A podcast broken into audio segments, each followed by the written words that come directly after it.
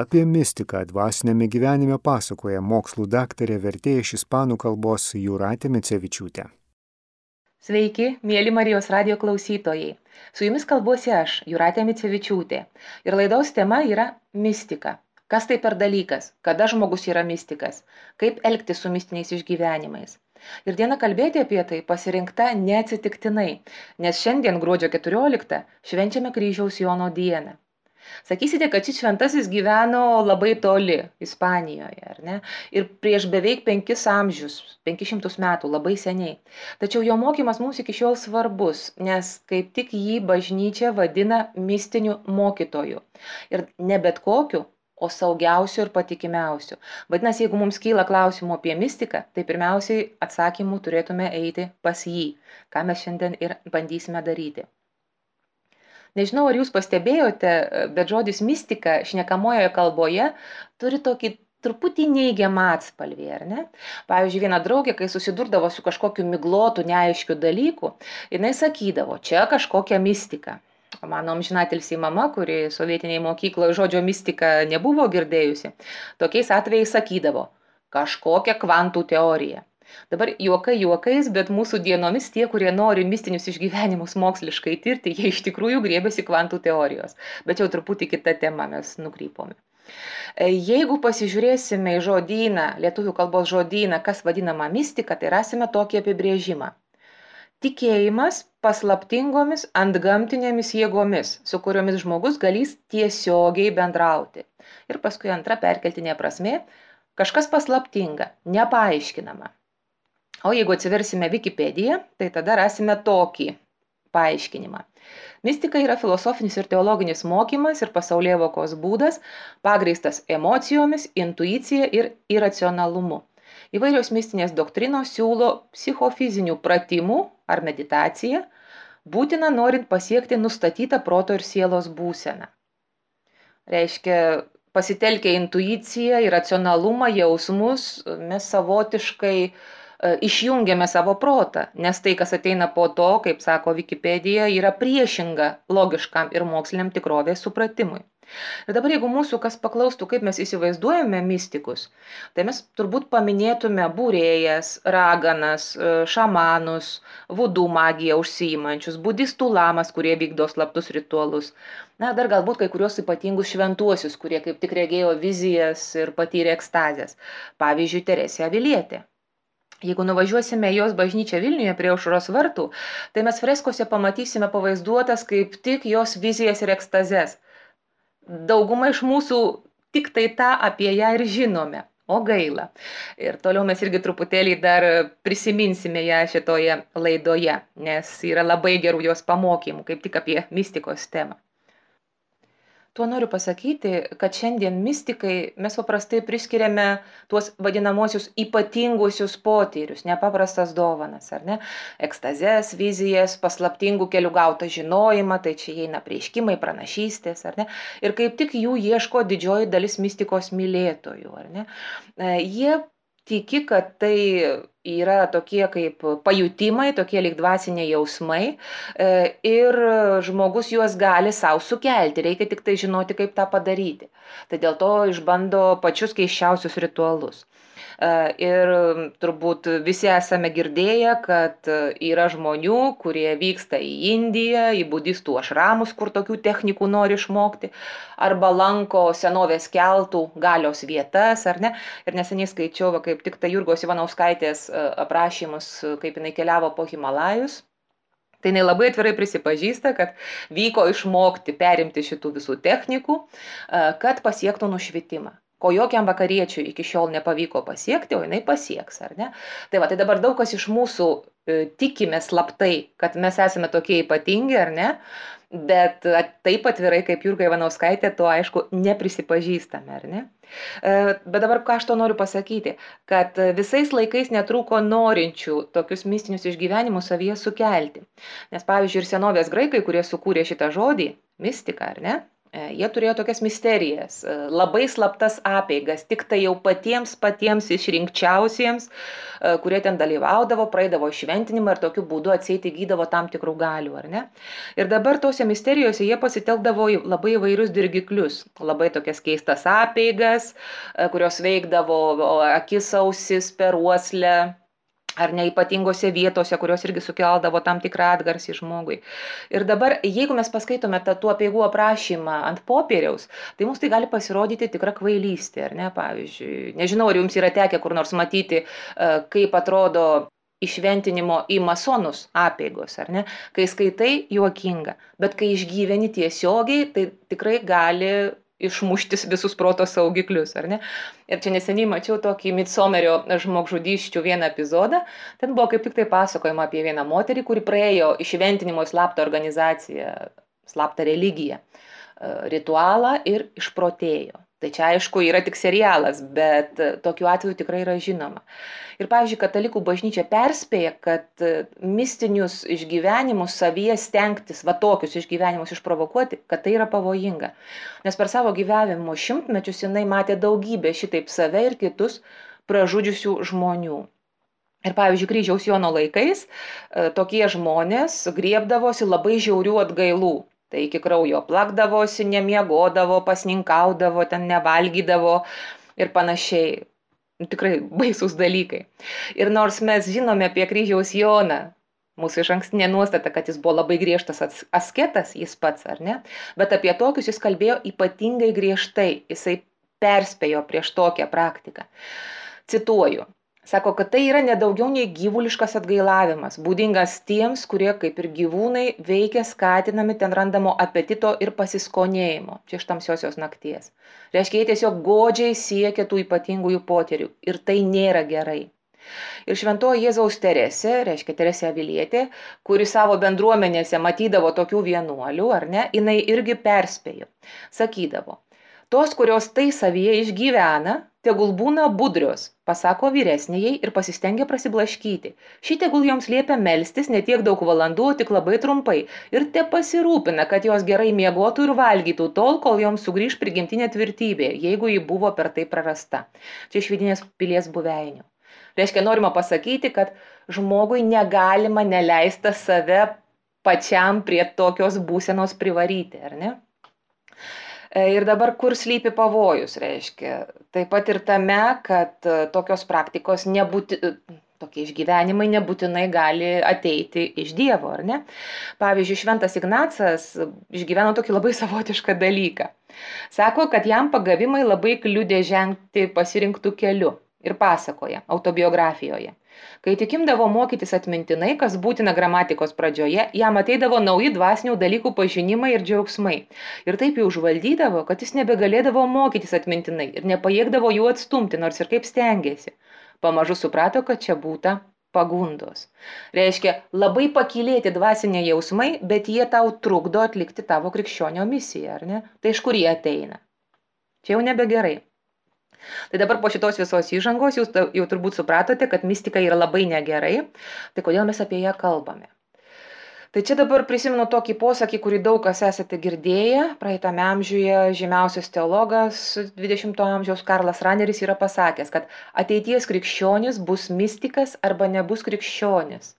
Ir čia yra labai gili išvalga, nes mystikas iš tiesų reiškia kažką patyręs, kažką išgyvenęs, asmeniškai susitikęs Dievą. Ar ne? Nes dabar mums jau nebeužtenka vien tik tai vykdyti mūsų apeigas ar ne, e, formaliai išpažinti savo tikėjimą. Mes turime būti iš tiesų susitikę Dievą, kitaip nebūsime krikščionys. Mes visi turime būti mystikai.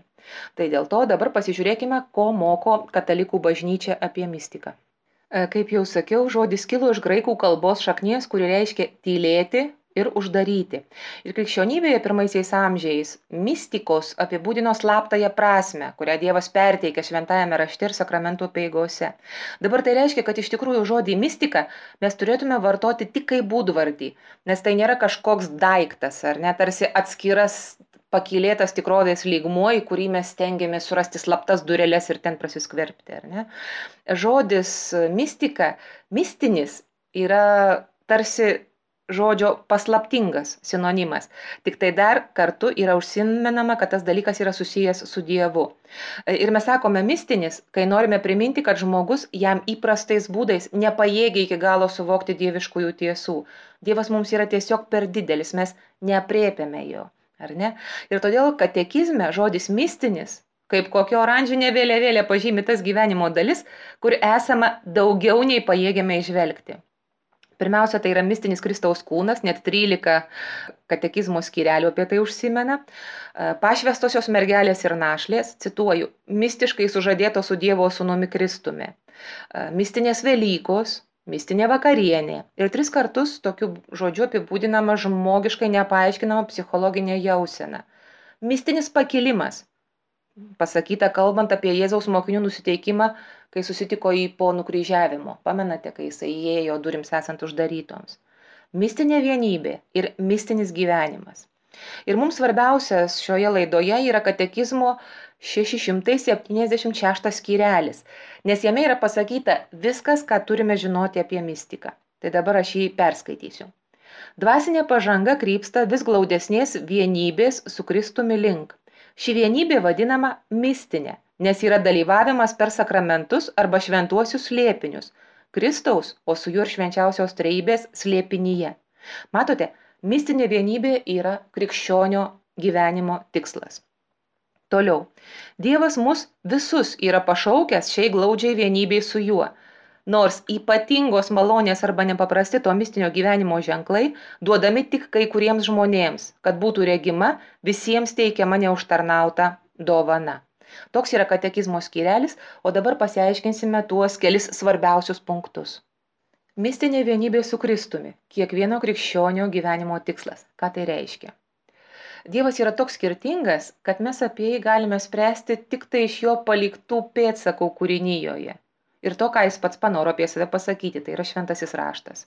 Viduramžiai sakydavo, kad Dievas parašė dvi knygas - Bibliją ir visą, ką sukūrė, ar ne?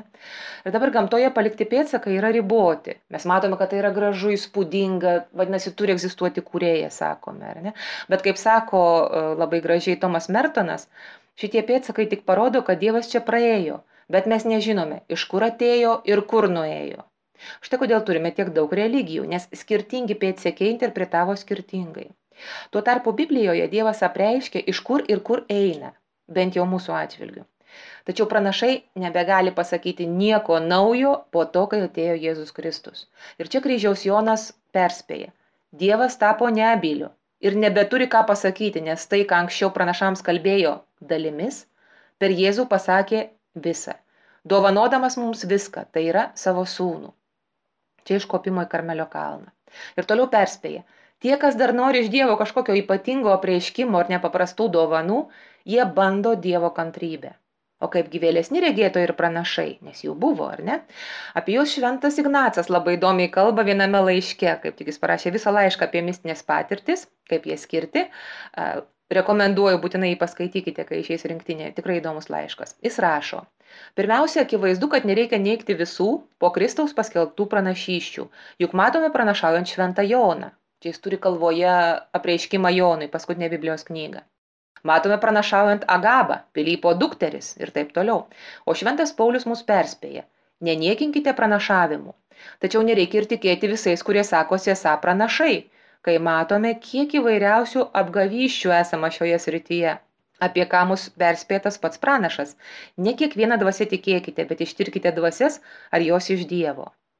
Reiškia, mums yra atsakymas, kad e, ypatingais mistiniais reiškiniais Dievas tarsi atkreipia dėmesį į vieną ar kitą savo jau paskelbto mokymo aspektą.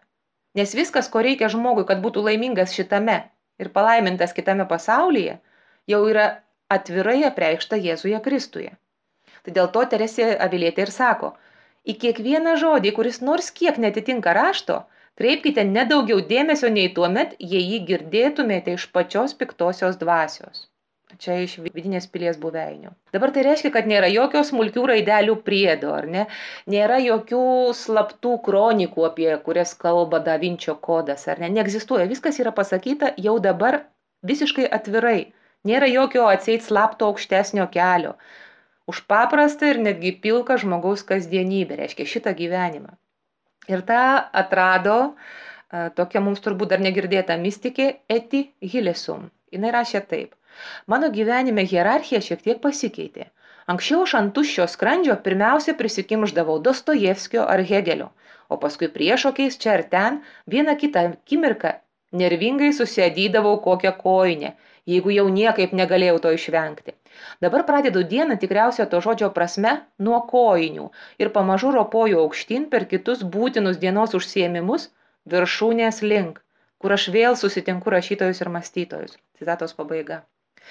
Dar daugiau e, yra sakoma, kad Jėzus Kristus yra kelias. Nes kaip tik jis parodė, kad paprasto žmogaus gyvenimu galima išgyventi visišką vienybę su Dievu. Dėl to ir kryžiaus Jonas, ir Jėzaus Teresė, Teresė Vilietė, septintose buveinėse, nekarta griežtai patarė laikytis Kristaus žmogystės lėpinio. Reiškia, tais laikais, va, kaip tik tai buvo manoma, kad jeigu, reiškia, jūs medituojate Kristaus slėpinius, ar ne, kaip jis gyveno, kaip jis mokė, e, tai jūs tarsi esate tokiam žemesniam lygmenį.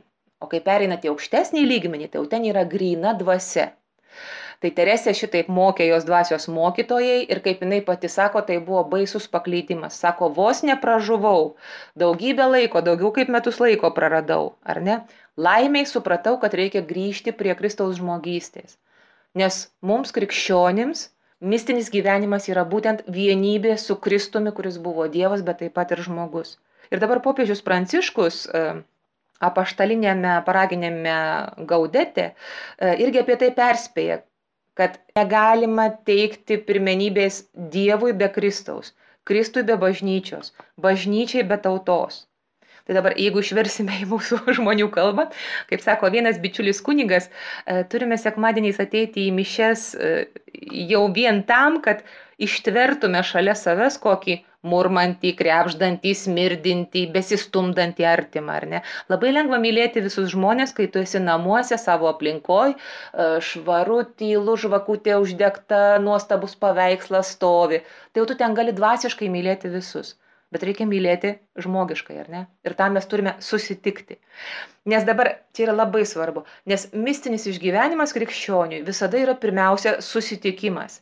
Ne dvasia su dvasia susilieja, arba kaip dabar mėgstama sakyti, ištirpsta visatoje ir gamtoje, ar ne? Bet susitinka du asmenys. Dėl to Teresė Avilėtė sakė, kad jai e, mistinė vienybė su Kristumi yra sutuoktuvės, ar ne? Kryžiaus Jonui tai yra įsimylėjėlių susijungimas. O šventam Ignacui meilės persmelktas tarnavimas. Mes čia sakom, nu, tai koks čia susitikimas. Bet iš tiesų šventam Ignacui tarnauti reiškia mylėti praktiškai, darbais.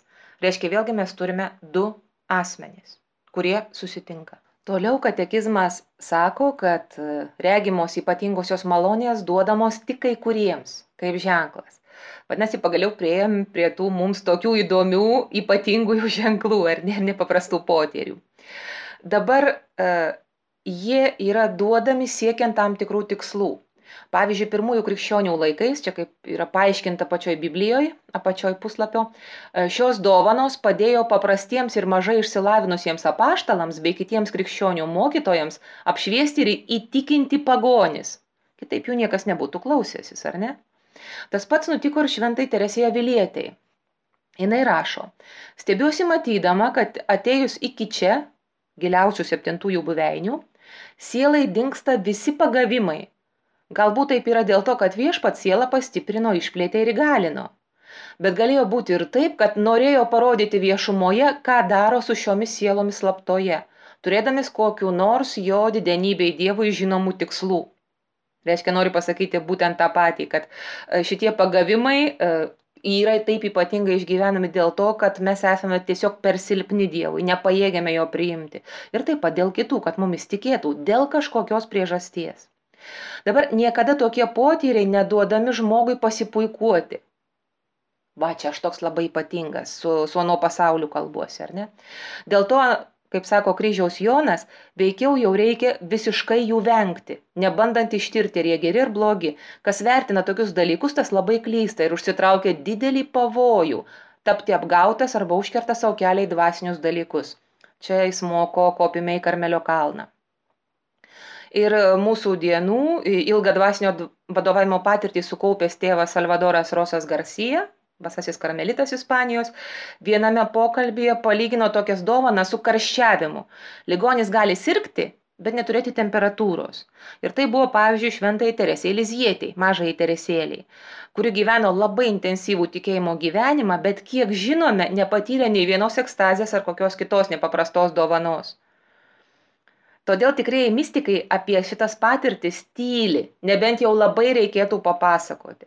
Ir čia, pavyzdžiui, prisiminkim Šventą Paulių. Susitiko Dievą, ar ne, susitiko Jėzų Kristų keliai į Damaską ir paskui 12 metų tylėjo, tyliai studijavo. Ir paskui niekam nepasakojo, ką jisai patyrė, tik vieną kartą prasitarė, kad buvo paimtas iki trečiojo dangaus. Bet vėlgi, nepasakė, ką jis ten sužinojo, ar ne? Šventas Ignacas tas pats, ar ne?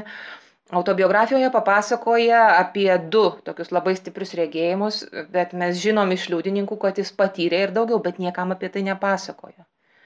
Mūsų kryžiaus Jonas, apie kurį čia mes šiandien kalbame žinome tiktai apie vieną jo regėjimą. Visa kita, nu kaip, galime suprasti, kad jis yra patyręs, turėjęs ypatingų potyrių, bet jis niekur apie tai nekalba. Ir dabar pavyzdys iš Biblijos, jau tik tai perskaičius šitą, reiškia, katekizmo skirelį ir supratau, kodėl taip yra pasakyta, ar ne? Va, e, didžiausias Senojo testamento mystikas buvo Mozė. Pats Dievas pasakė, kad jis yra didis mystikas, išskyrė iš kitų tarpo. Cituoju. E, jei tarp jūsų būtų pranašas, aš apsireikščiau jam regėjime, aš kalbėčiau jam sapne. Bet taip nėra su mano tarnu Moze, jam patikėti visi mano namai, su juo aš kalbu veidas į veidą, aiškiai, nemyslėmis, jis mato viešpaties išvaizdą. Čia iš skaičių knygos 12 skyriaus. Ir štai jo brolis ir sesuo Aronas ir Mirjama, cituoju, jiems esant Hazerotuose kalbėjo prieš Mozę. Argi viešpats tik per Mozę kalbėjo, argi jis ir per mus nekalbėjo, Ką tai reiškia? Jie norėjo pasakyti, kad jie irgi pranašai, kodėl čia Mozė taip išskiriamas, ar ne? Tiesa, už tai buvo nubausti už tokį puikavimąsi. Cituoju iš Biblijos toliau. Viešpats tai išgirdo, o Mozė labai kuklus žmogus, kuklesnis už bet ką kitą ant žemės veido.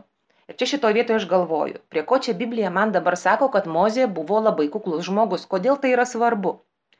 Bet iš tiesų šitoj vietoje turėtų būti e, žodis, kurio mes labai nemėgstam - nusižeminęs, nuolankus. Ir dabar, vad kaip tik šitas nuolankumas, nesipuikavimas ir yra patirtos dovanos tikrumo matas. Dabar cituoju iš Jėzaus Teresės. Jeigu tai yra viešpaties malonės ir dovanos, tegul siela atidžiai žiūri ar dėl to nelaiko savęs geresnė. Ir jeigu tuo met, kai palepinama geresniu žodžiu nebūna labiau susigėdusi, tegul tiki, kad tai nėra Dievo dvasia. Ar ne? Kuklumas, tas nusižeminimas, nuolankumas yra Dievo dovanos tikrumo ženklas. Dėl to ir sako Biblija, Mozė buvo labai kuklus žmogus, kuklesnis už bet ką kitą ant žemės veido, didžiausias pranašas. Tai reiškia, kad negalima pasitikėti slaptais apreiškimais, reikia juos sutikrinti su bažnyčios tradicija ir būtinai pasitarti su nuodėmklausiu dvasios vadovu, pasitarti su kitu žmogumi. Visada. Nes Dievo tikslas yra kurti bendrystę per tokias dovanas. Todėl jisai nori, kad gauta žinia būtų patikėta tik tai po to, kai ją patvirtins kitas žmogus. Tai čia vėlgi, vat praeitą savaitę, jeigu pamenat, iš Luko Evangelijos buvo skaitinys apie apreiškimą mergeliai Marijai. Atėjo angelas, pasakė, jinai pasakė taip. Ką jinai daro toliau? Išėjo angelas, kaip jinai dabar žinos, kad tai buvo tikra, ar ne? Jinai apsiauna batus ir eina aplankyti savo giminaitės Alžbietos, kuri gyvena už 120 km ar ten dar daugiau, ar ne? Nes jai buvo pasakyta, Alžbieta jau yra šeštame mėnesyje.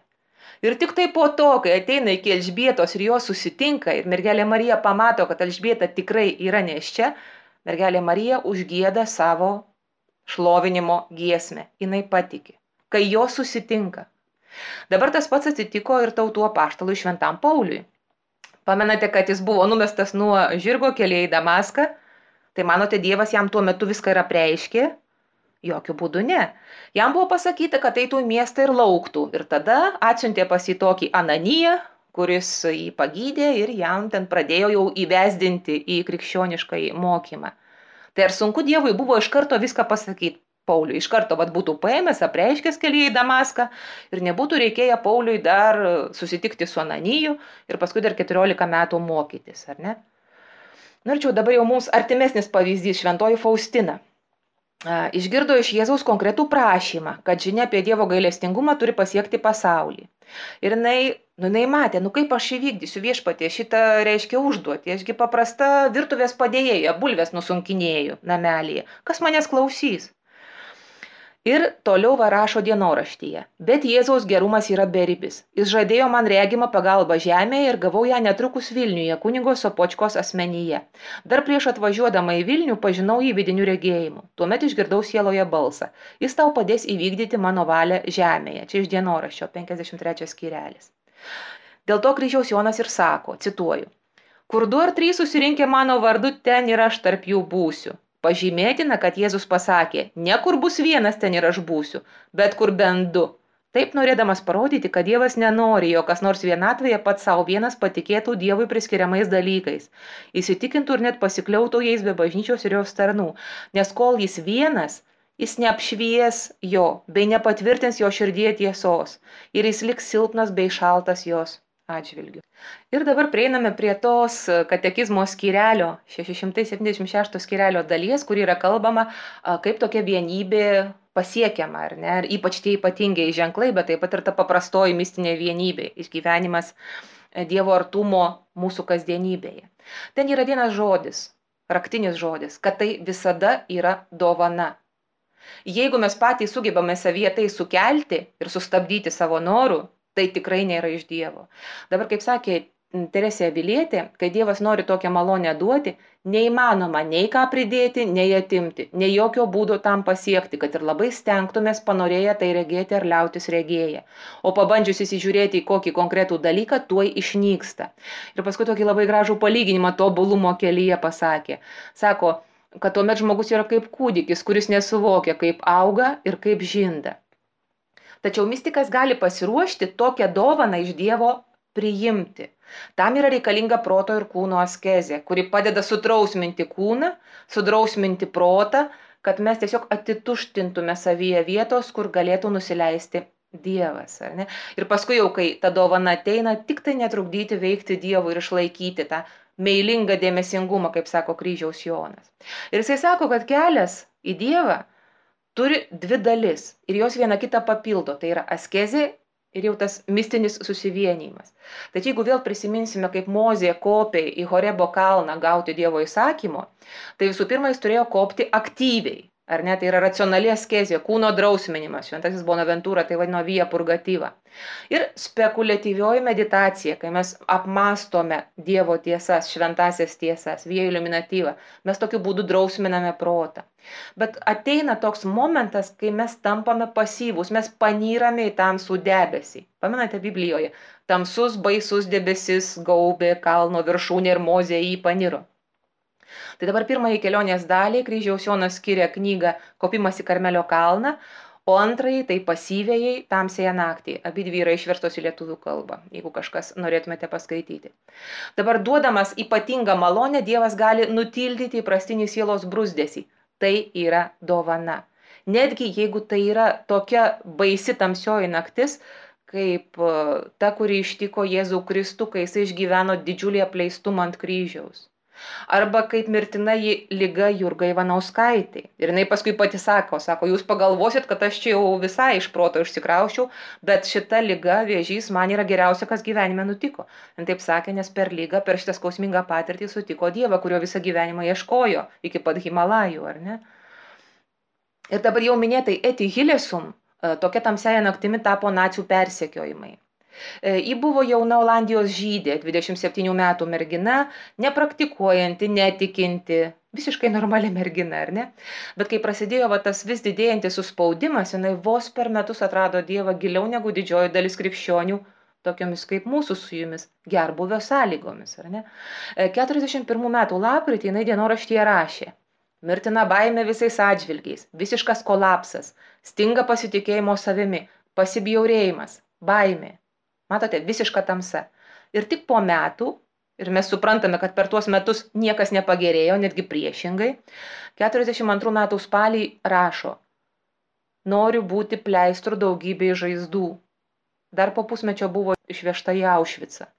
Ir šitas atsigrėžimas į kitus yra antras tikras ženklas, kad jos susitikimas su antgamtė, sakykim taip, buvo tikras. Nes mistinės vienybės vaisius, svarbiausias vaisius, nėra pabėgimas į save, kaip tik yra išėjimas iš savęs, trokštant padėti kitiems. Ir čia ne vienas paprieštaraus, kaip tai gali būti. Taigi mistika kaip tik, kai mes uh, susikaupiame, panyrame į save, tikrovė neegzistuoja, mes čia lipame vienišiai tokią nuostabią viršūnę ir ten atsisėdame ir sakome, o, ar ne? Reiškia, mistika ir gailestingumas mums kažkaip nesisėja. Ir apie tai yra kalbėjusi Jurga Ivanauskaitė. Toks yra vienas labai įdomus pokalbis. Vadinasi, kuo rizikuoja keičiantis religiją žmogus. Tikrai jums rekomenduoju pasieškokite. Jis rašo. Pagrindinė budizmo kategorija, kurią dažnai kartoja Dalai Lama, yra atjauta ir užuojauta. Be abejo, daugumai vakariečių, kurie ten vyksta ieškoti magiškų, mistiškų patirčių, žodžio atjauta net girdėti nenori. Atsimenu, kai po Dalai Lamos paskaitų mes, psichonautai, sėdėdavom, gerdavom arbatą ir piktindavomės. Kiek galima kalbėti apie tą atjautą? Argi to čia atvykome? Ir vienas iš tyrinėtojų mistikos, Juanas Martinas Velaskos, Ispanijoje labai garsus, sako, mistika yra laikoma pasyvumo ir per viršų besiliejančio dovanumo karalystė, kur viskas yra entuzijazmas ir ekstazė, tad ir visiškas nesidomėjimas išorinė padėtimi bei pabėgimas į savo vidinį prieglopstį. Ir dabar taip manantiems Teresė Vilietė skyrė ne vieną kartų žodį. Čia dabar ją cituoju iš vidinės pilies buveinių. Kai matau, kaip uoliai kai kurios seserys besimelsdamos užsisklendžia savy, tai man atrodo, kad jos tikrai labai menkai suvokia kelią, kuriuo pasiekiama vienybė. O ne seserys, ne taip. Viešpats nori darbų ir jei matai ligonę, kuriai gali suteikti bent šiek tiek palengvėjimo, tai netrupučio nesirūpink prarasti šią pamaldžią praktiką ir atjausk ją. Ir mes krikščionys truputį lengviau tą priimam, nes mes tai žinom, kad mums susijungimas su Dievu reiškia sėkimą Jėzumi Kristumi. Čia dabar cituoju toliau iš Velasko. Taigi tai reiškia gyventi taip, kaip gyveno jis. Etika ir mistika yra neatskiriami krikščioniškos egzistencijos aspektai. Dabar tai reiškia, kad, kaip sakė katekizmo tas skirelis, kad ypatingiai ženklai visuomet yra skiriami gailestingumui ugdyti, bendruomenės tikėjimui pastiprinti. Ir čia mes prieiname prie dar vieno labai svarbaus punkto, jau paskutinio, kad mistinėje vienybėje pakviesti dalyvauti visi Apie tai pasakė dar Mozė prieš 3300 metų, cituoju iš Biblijos. Te būna visi viešpaties žmonės pranašai. Skaičių knyga 11 skyriaus 29 eilutė. Tai dabar kodėl ne, mes, ne visi mes, prieš, mes pranašaujame, ar ne? Ir apie tai irgi kalba Biblija, atsako mums. E, kai Mozė prisimena, kas atsitiko sudarant sandorą, čia dabar iš pakartoto įstatymo knygos penktos skyriaus skaitau. Veidas į veidą viešpats kalbėjo su jumis prie kalno iš ugnies. Aš stovėjau tuo metu tarp viešpaties ir jūsų, kad perduočiau jums viešpaties žodžius, nes jūs bijojote ugnies ir į kalną nekopėte. Citatos pabaiga. Taigi Dievas pakvietė, o žmonės pabijojo patys eiti artin, nes debesis buvo labai tirštas, ugnis buvo labai deginanti, ar ne, ir stumė mozę į priekį, sako, tu eik ten sužinok, paskui sugrįši mums pasakysi. Ir dabar tai nėra bloga laikysena. Pats Dievas sako. E, cituoju dabar iš, iš įstatymo, iš pakartoto įstatymo knygos vėlgi penktos skyriaus. Visa, ką jie pasakė, yra gerai pasakyta. O kad jie turėtų visat tokią širdį manęs bijoti ir laikytis visų mano įsakymų, tada jiems ir jų vaikams sektųsi amžinai. Citatos pabaiga. Tai reiškia, kad pakanka gyventi, kaip Dievas liepė. Viskas ypatingosios dovanos yra perteklinės. Jos nėra būtinos, kad mes būtume laimingi ir kad mums ir mūsų vaikams sektųsi amžinai, čia cituojant įstatymo knygą. Vadinasi, tas, kas nekviestas veržiasi tokių dovanų gauti, yra nubaudžiamas ir duodamas pavyzdys Biblijoje reiškia du Aarono sūnus, kunigo, vyriausiojo kunigo Aarono sūnus, nekviesti puolė prie susitikimo palapinės smilkyti smilkalų ir jie buvo e, viešpaties žaibo nutrenkti. Čia iš kunigų knygos e, dešimtos skyriaus. E, dabar tiems, kuriems Dievas ypatingų dovanų neduoda, dar gali kuo ramiausiai išgyventi vadinamąją žemo intensyvumo mistiką. Tai reiškia, kad bet kuris žmogaus gyvenimo įvykis gali tapti kontekstų mistiniai patirčiai. Ir čia, kaip sako vienas garsus ispanų filosofas Zubiris, cituoju, Dievo patirtis nėra tai, kas išgyvenama už kasdienio gyvenimo ribų - vaikščioti, valgyti, verkti, gimdyti vaikus. Ji nėra patiriama šalia viso to. Tai yra būdas atliekant visus šituos dalykus patirti dievišką įbūvį, kuris ir sudaro žmogų. Dabar kitaip tariant, čia interpretuoja Salvadoras Rosas, bet kuris žmogaus aspektas gali įgyti religinę prasme. Žmogaus gyvenimas, visas žmogaus gyvenimas yra religinės patirties rovė. Ir dabar čia perfrazuojant galima sakyti mistinio išgyvenimo srovė. Tai čia kaip tik apie tai, ką sakiau pradžioje, kad mistika nėra daiktavardis. Kažkas, kažkokias rytis, kažkoks daiktas, kažkokia dovana, ne, ne. Tai yra būdvardis, kad kažkas iš to, ką mes išgyvename, mums atveria Dievą, mums pasako kažką daugiau apie Dievą, mums leidžia pajusti Dievo vienybę. Tai yra mistinis. Kryžiaus Jonas sako, šiuo atveju siela susijungusi su Dievu jaučia, kad visi dalykai yra Dievas. Ir tai pagauta jaučia, kad visi dalykai jai yra Dievas. Reiškia, ypatingiai potyriai yra skirtingo intensyvumo mistinė patirtis. Nes vėlgi, kaip labai žaviai sakė Teresė Vilietė, į vienybę su Dievu galima įeiti daugiau ar mažiau. Reiškia, tai yra tokie kaip liepsnos liežuviai, kurie plyksteli iš paprasto žmogaus gyvenimo žaryjų. Bet tas žarijas reikia palaikyti, ar ne? Jas reikia maitinti. Ir čia vėlgi, kaip sakė Teresė Vilietė, šitą posakį turbūt visi esat girdėję, kad šventą dvasę galima susitikti ir tarp puodų. Jis vaikšto ir tarp puodų. Ar ne? Reiškia, kontemplatyvusis gyvenimas yra kaip aktyviojo gyvenimo versmė. Ir šventas Ignacas irgi taip mokino, sako, reikia sutikti Dievą visuose dalykuose, išmokite tai, tai daryti. Jums nereikia dvi valandas melstis, jisai mokė savo jezuitus, ar ne? Sakė, susitikite Dievą visuose dalykuose. Tos žarijos yra mūsų troškimai. Apie tai rašė Ronaldas Rolheiseris knygoje Dvasingumo paieškos, išėjo lietuviškai prieš trejata metų. Ir jisai vardino, kad tai yra neužgesinama ugnis, neramybė, ilgesys, nerimas, geismas, vienatvė graužianti nostalgija nesutramdomas laukiniškumas visa perveriantis skausmas kalbam apie tuos pačius dalykus apie mūsų gyvenimą išjudinančią jėgą. Ir jisai kalbėjo kaip pavyzdžius nurodė teresę kalkutietę ir kartu paminėjo didžiuliais bet nesuvaldytais troškimais pasižymėjusią dženis džoplin ir princesę dianą. Ir dar pacitavo mūsų kryžiaus joną reiškia tą jo gražiausią eilėraštį kuris prasideda žodžiais. Vieną tamsią naktį troškuliu ir meilėm degdama nepastebėta išėjau. Troškulys ir meilės reiškia išveda sielą į kelią ieškoti siekti mistinės vienybės su dievu dabar šitą kelią puikiai žinojo mūsų jurga ivanauskaitė reiškia ta maištininkė jeigu prisimenate devyniasdešimt trečiais metais parašiusi romaną apie kunigo meilę kuris dvi savaites buvo draustas kaip pernelyg skandalingas dabar tuo pačiu keliu ėjo eti hilesum apie kurią irgi jau kalbėjau kuri irgi ieško meilių ir santykių, pati savo abortą pasidaro. Ir apie ją popiežius Benediktas XVI rašo katechezėje. Iš pradžių ji buvo toli nuo Dievo, o atrado išvelgdama į savo gelmes ir užrašė. Mane yra labai gilus šulinys, o tame šulinyje Dievas. Kartais įstengiu jį pasiekti, bet dažnai tai padaryti sutrukdo akmenys ir žvyras, užverčiantys Dievą. Tada jį turiu atkasti iš naujo. Ir toliau popiežius komentuoja. Savo blaškomame ir neramiame gyvenime į Dievą atrado pačiame didžiosios tragedijos - šoasų kuryje. Ši trapi nepatenkinta jauna mergina tikėjimo paverčiama meilės ir vidinės ramybės kupinų žmogumi, galinčių pareikšti - nuolatos gyvenu vienybė su Dievu. Ir dabar, kad tai tikrai yra vienybė su Dievu, mums atsiveria pavyzdžiui iš tokios nuostabios jos maldos. E, visgi koks didis yra tavo tvarinių vargas šioje žemėje, mano Dieve. Dėkoju tau, kad tu leidi pas mane ateiti šitiekai žmonių su jų vidiniais vargais. Jie čia sėdi tylūs ir patiklus, kalbasi su manimi. Staiga išorėn prasiveržia nuogas jų vargas. Ir štai čia sėdi žmogus, abejonių krūvelė, nežinanti, kaip toliau gyventi. Dabar ir prasideda mano sunkumai. Neužtenka vien apie tave pamokslauti, mano Dieve. Pirma reikia tave užšiuopti kito širdyje. Reikia joje išvalyti kelią pas tave, mano Dieve kaip matome, jinai nepabėga nuo baisios tikrovės į save, bet priešingai jai atsiveria.